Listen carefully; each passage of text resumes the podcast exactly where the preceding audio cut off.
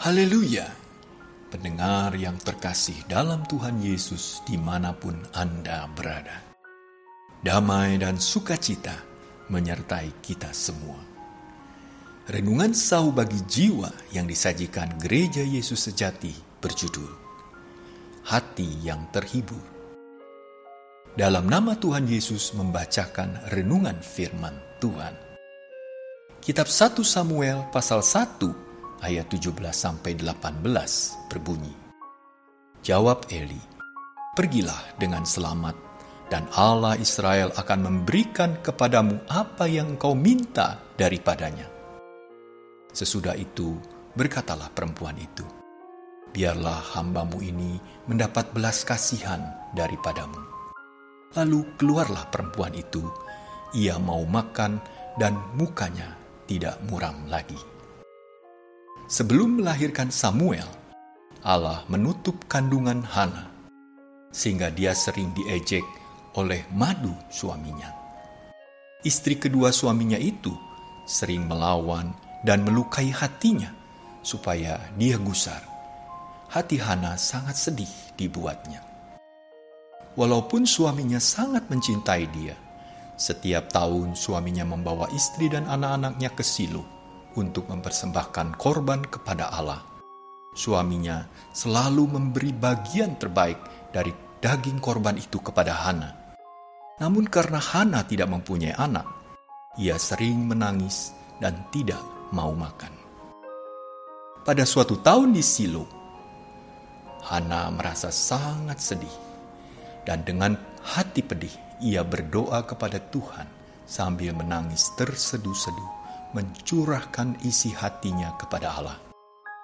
Setelah mengetahui keadaannya, Imam Eli memberkatinya dan berkata, "Pergilah dengan selamat, dan Allah Israel akan memberikan kepadamu apa yang engkau minta daripadanya." Hana terhibur hatinya mendengar perkataan Eli itu. Dia lalu mau makan, dan mukanya tidak muram lagi. Setelah berdoa dan mendapat pemberkatan dari Eli, sekalipun Hana tidak tahu apa yang akan terjadi, namun hatinya sudah terhibur dan dia percaya Allah pasti mendengarkan doanya dan akan memberi dia anak. Ini adalah iman Hana yang polos.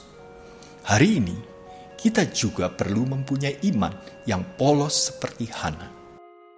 Sekali kita berdoa, hendaklah hati terhibur dan berserah, maka kita tidak lagi akan muram.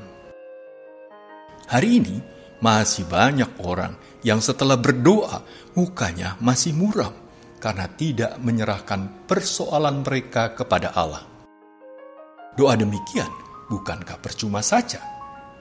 Sama seperti seorang petani yang memikul beban yang setelah dia naik kereta tetapi dia tidak melepaskan pikulannya itu. Bukankah ini menggelikan? Kitab Ibrani pasal 11 ayat yang ke-6 berbunyi, Tetapi tanpa iman, tidak mungkin orang berkenan kepada Allah. Sebab barang siapa berpaling kepada Allah, ia harus percaya bahwa Allah ada dan bahwa Allah memberi upah kepada orang yang sungguh-sungguh mencari dia. Rupanya iman itu sangatlah penting. Seorang tanpa iman tidak akan berkenan kepada Allah. Orang yang memohon kepada Allah, selain harus percaya Allah ada, juga harus percaya Allah akan memberikan upah kepada orang yang sungguh-sungguh mencari Dia. Kiranya hati kita mau menerima penghiburan dari Allah. Kiranya kita mempunyai iman yang bukan karena melihat, melainkan tanpa melihat kita percaya Allah akan mendengarkan dan mengabulkan permohonan kita. Tuhan Yesus menyertai kita semua. Amin.